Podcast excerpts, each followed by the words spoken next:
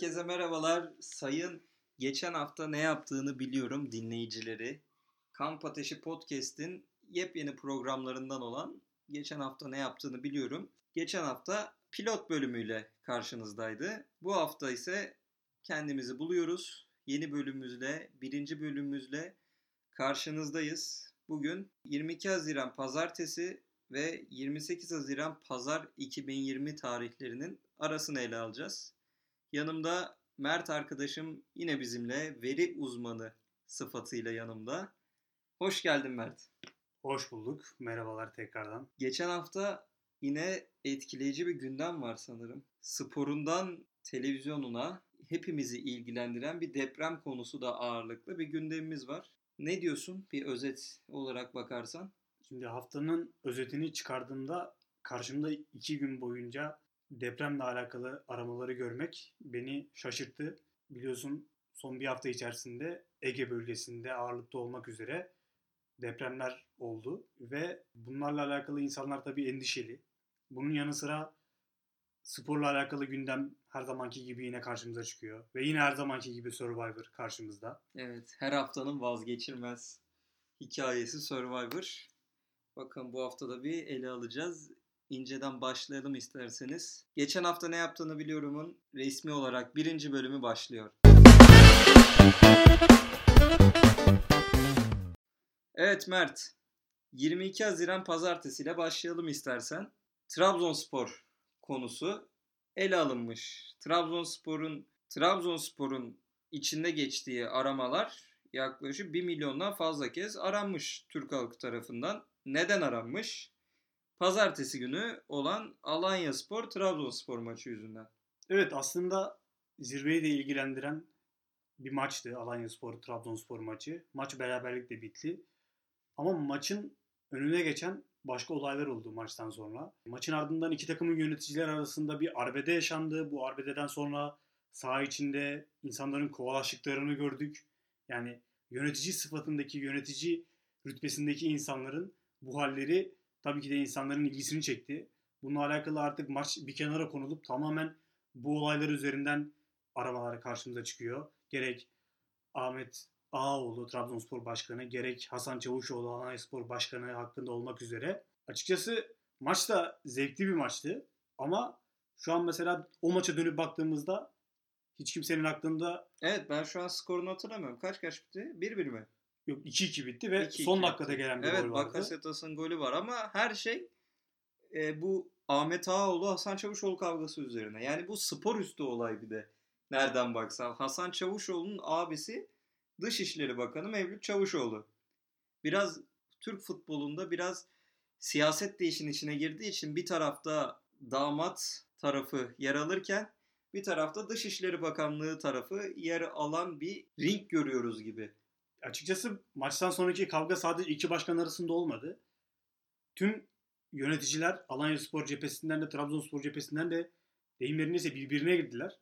Ya sonrasında e, Trabzonspor taraftarlarının enteresan bir kenetlenmesi gözlendi sosyal medya üzerinde. Aslında bu olay biraz Trabzonspor'a yaradı derken Trabzonspor hafta sonu tekrardan lige döndüğünde yapmış olduğu maçı da beraberlikle bitirdi. Ve ya benim, bu olay da rafa kalkmış oldu. Benim merak ettiğim şey şimdi Türk futboluna, Türk sporuna bir yasa geldi. 62-22'den taraftarlar tribünlerde olay çıkınca ceza alıyor. Maçlara giremiyorlar. Farklı cezalar alıyorlar. Ama bu yasa, bu kanun sırf taraftarları kapsamıyor. Neden bu başkanlar bu yasadan ceza almadı? İşin daha enteresan bir örneğini göstereyim siz söyleyeyim. E, Dembaba Başakşehir futbolcusu geçen hafta oyundan alınıyor. Yedek kulübesinde otururken yani biliyorsun seyirciler maçlara giremiyorlar koronavirüs sebebiyle. O esnada tribünden bir pet şişesi geliyor. Yani tribünde taraftar olmamasına rağmen. Nereden geliyor? Kimden geldiği belli değil mesela. Ve haliyle tabii kulüpler video kayıtlarını da paylaşmıyorlar muhtemelen. Çünkü oradan atan kişi taraftar değil. Belli ki bir protokol mensubu. Yani protokol mensubu dediğimiz mevkideki insanlar bunları yapıyorsa o zaman taraftarların yaptıklarıyla alakalı da insanların... Ya herkese eşit değil işte bu kanunlar nedense.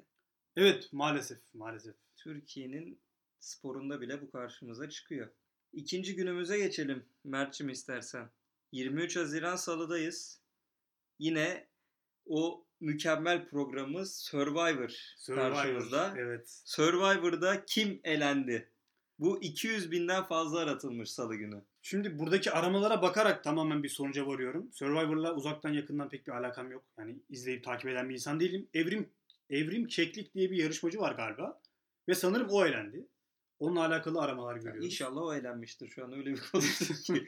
İnşallah evrim Ya eğlenmiştir. aslında Survivor'ın bu başarısına şaşırmamak lazım. Acun'un bu programı ilk çıkarttığı zamanlardaki sunumu aslında bu programı kurgularken neyi düşündüğünü bize gösteriyor.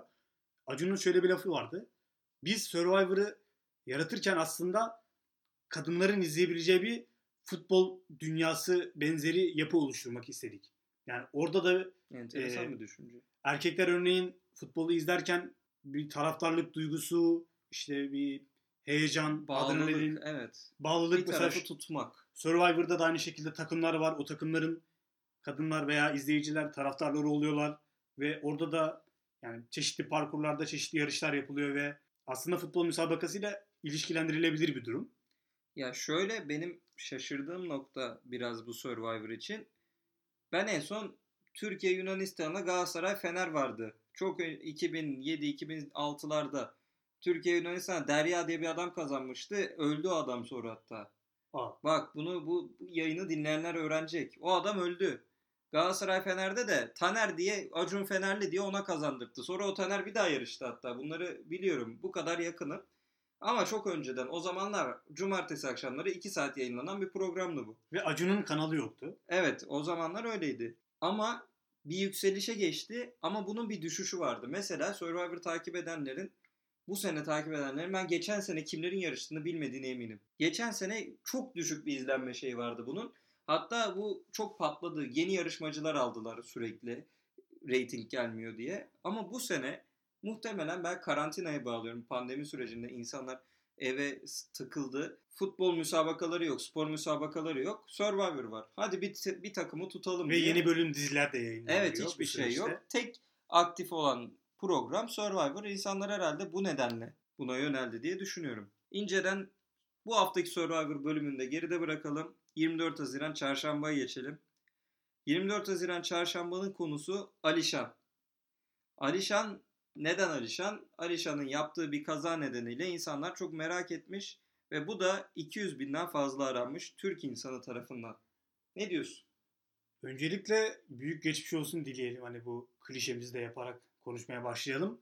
Ee, Alişan bize dilesin. Alişan'ın arabasının kazadan sonraki halini gördüğüm zaman yani dedim herhalde gerçekten büyük bir sonuç doğurmuş bu kaza. Ama sonrasında gördüm ki kimse burnu kanamadan bu kazadan kurtulmuş. Ya şöyle ben arabadan çok anlamam. Çok bilgim yok. Dört tekeri olsun hepsi aynı benim için. Ama bu Range Rover bir arabası var.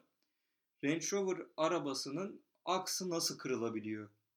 Aksının kırılması durumunu da ben açıkçası aramalardan gördüm. İnsanlar bu kaza üzerine Ya bir ara- araba aksıyla alakalı aramalar yapmışlar. Evet aksı aks kırmak çok zor bir şeydir. Yani. Nasıl kırılabilir bir arabanın aksı? Arabanın iskeleti yani onu direksiyonu tutan şeyin çevirdiğin şey değil mi bu?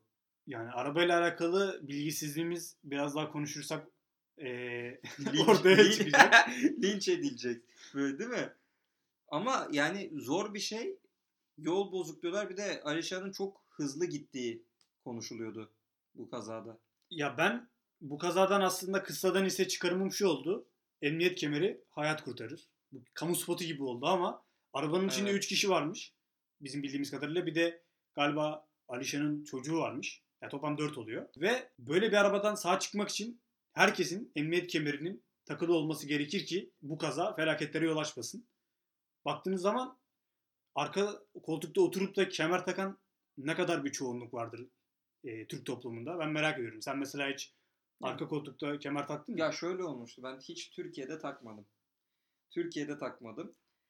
Başıma şöyle bir şey geliyor. İspanya'dayız. Bunu ben Salaş bölümünde e, başka programımızda anlatmayı unuttum gerçi. Buraya kısmetmiş bak.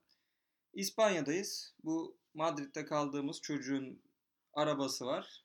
Bindik buna. Çocuk gitmiyor. Ne oldu diyoruz. Kemerlerinizi taksanıza diyor bize. Yanımda Uğur'la bakıyoruz böyle. Ne dedik? Arka koltukta kemer takacakmışız. Taktık. Türkiye'de yani kime derse ki böyle arkada bakacaksın. Hadi Emre kemerin tak der misin arabada? Ya ben hayatımda sadece arka koltukta kemer takılması olayına bir arkadaşım var. Onda rastladım. Ne zaman onunla beraber yolculuk yapsak arka koltuğa oturursa eğer istisnasız kemerini bağlıyor. Genelde çok rastladığımız bir durum değil açıkçası arka koltukta kemer takmak ama ya bu tip kazalardan da aklımıza gelen bize gösterdiği emniyet kemerinin gerçekten de hayat kurtarır olduğudur. Evet. Emniyet kemerini takalım. Cidden sağlık. Ya bu pisi pisine ölmeyin en azından. Bir Yani- kazada ölmeyin öleceksiniz. Arka koltukta kemer takmak yine insanlara ne kadar sıcak gelir bilmiyorum ama herhalde bunun da bir yasaya bağlanması gerekir. Evet Mert'ciğim.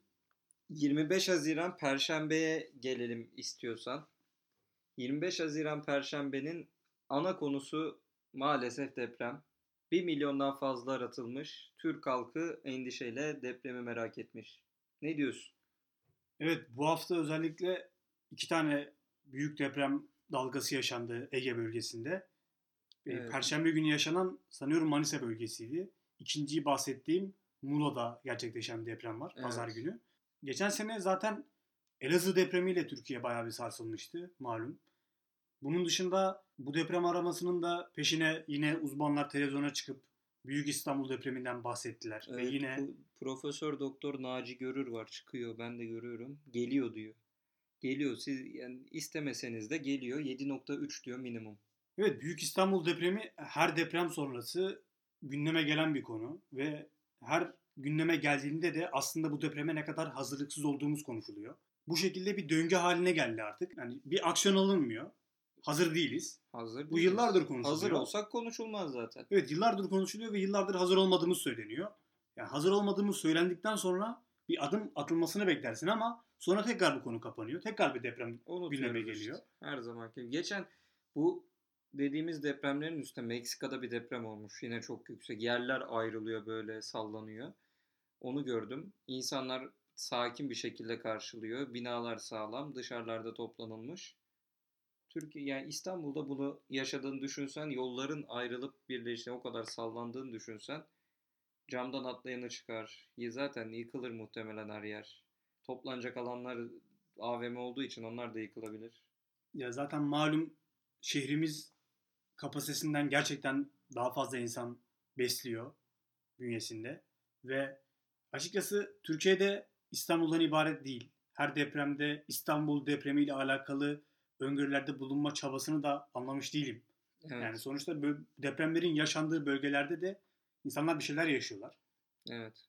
Fakat Ve daha zor koşullarda da yaşıyor olabilirler. Çok sıkıntı şeyler çekiyor insanlar. Üzücü. Görmüyorsun diye çekmiyor değiller. kesinlikle Evet bu üzücü biraz endişeli gündemi geride bırakalım istiyorsan. 26 Haziran Cuma 2020'deyiz.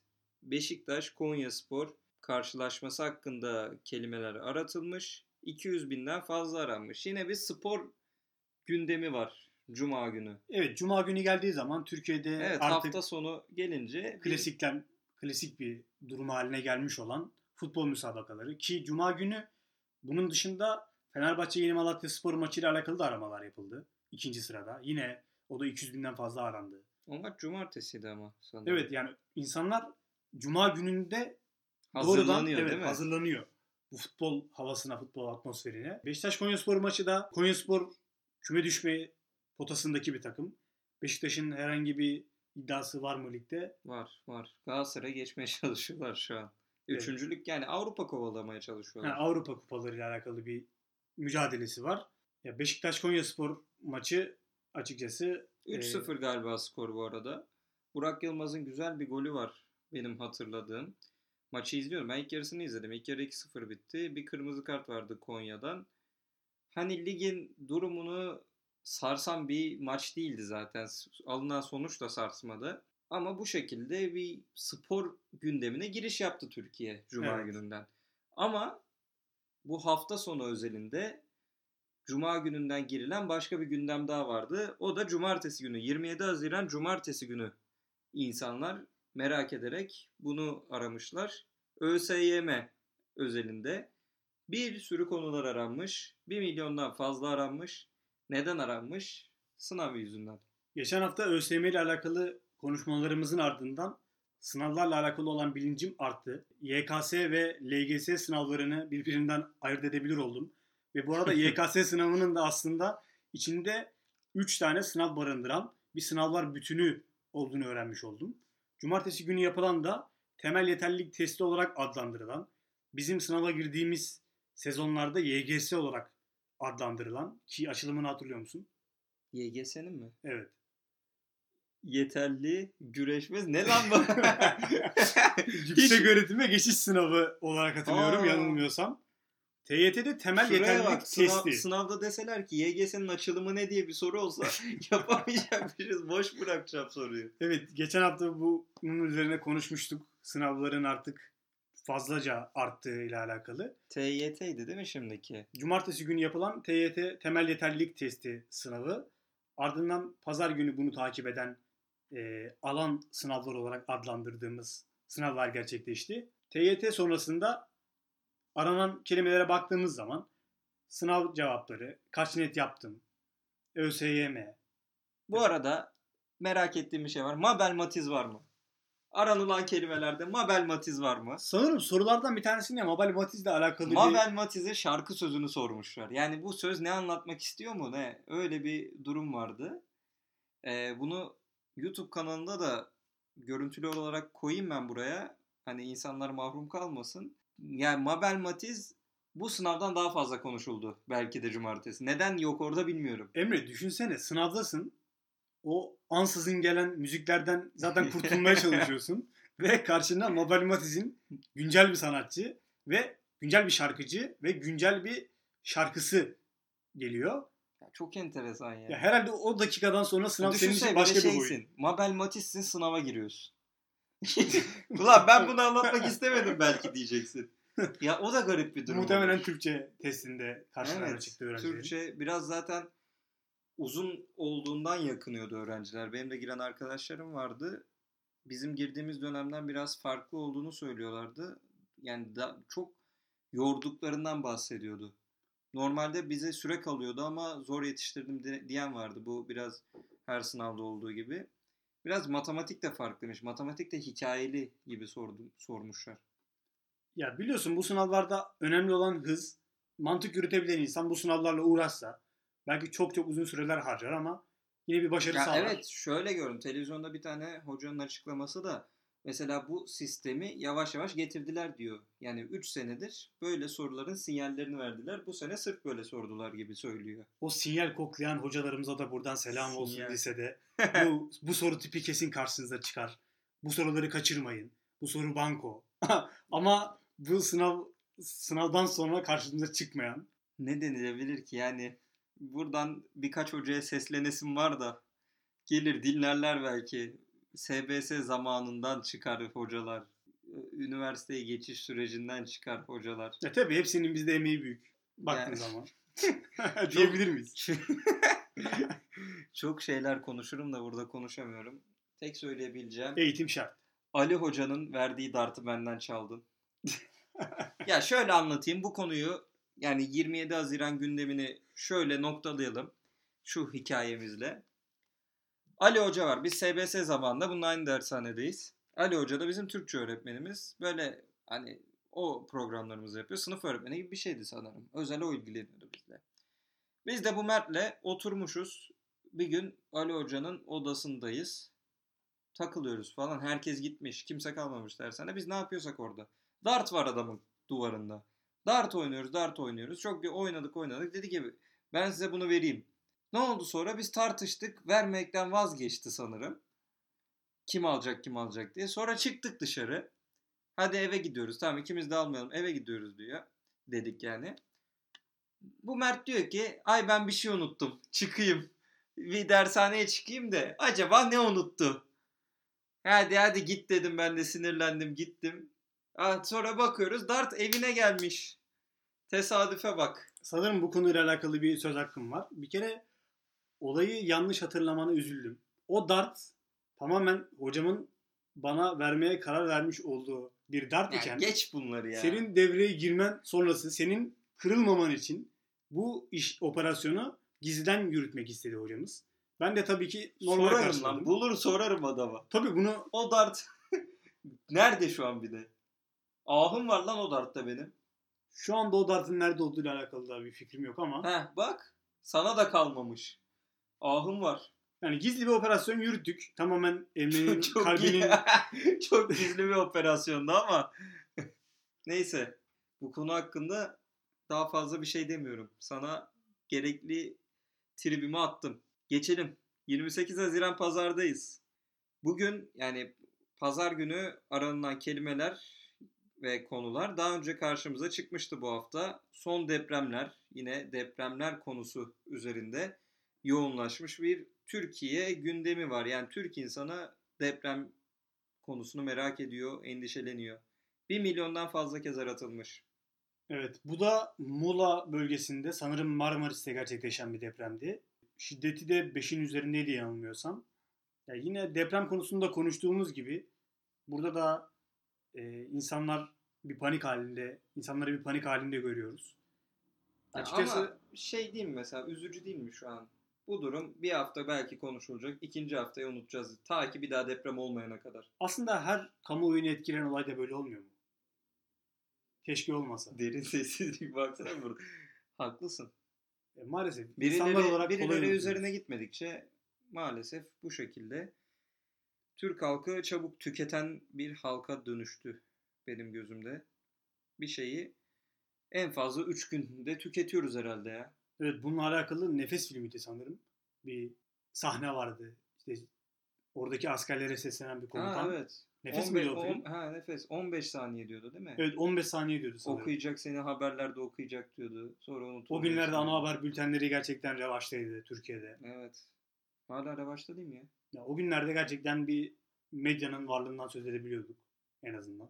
Yani bugün daha düşük şeydir belki etkisi daha azdır ama haklısın. Yani insanların endişesi haksız değil. Umarım gerekli adımlar atılır. AVM'lere saklanmak zorunda kalmayız en azından bir depremde. Üzücü. Yavaş yavaş sonuna gelelim programımızın. 22 Haziran pazartesiden 28 Haziran pazarı ele aldık. 2020 yılının Haziran ayının son haftasıydı. Önümüzdeki hafta Temmuz'a geçmiş olacağız. Bizi buraya kadar dinlediğiniz için ben teşekkür ediyorum. Mert'in de teşekkür ettiğine eminim. Teşekkürler. Etti. Şöyle bir şey yapalım istiyorum bir de. Bu haftayla ilgili bize bir şarkı atın. İstediğiniz bir şarkıyı yorumlarda belirtebilirsiniz YouTube yorumlarında. Spotify'dan belirtemeyenler için Twitter sayfamız var. Et ateşbaşı olarak geçen bir sayfamız var. Buradan bize bir şarkı iletebilirsiniz. Bu şarkıları ben de paylaşmaya çalışacağım ilettiğiniz şarkıları. Bir eğlence olur belki bize. Ben kendim ben bir şarkı bırakmak istersem Malt grubunun deprem şarkısını bırakıyorum bu haftaya. Siz de yorumlarda belirtin. Bizi dinlediğiniz için tekrar teşekkürler. Haftaya geçen hafta ne yaptığını biliyorumun bir sonraki bölümünde sizinle birlikte olacağız. Hepinize iyi günler, iyi haftalar. Hoşçakalın. Hoşçakalın.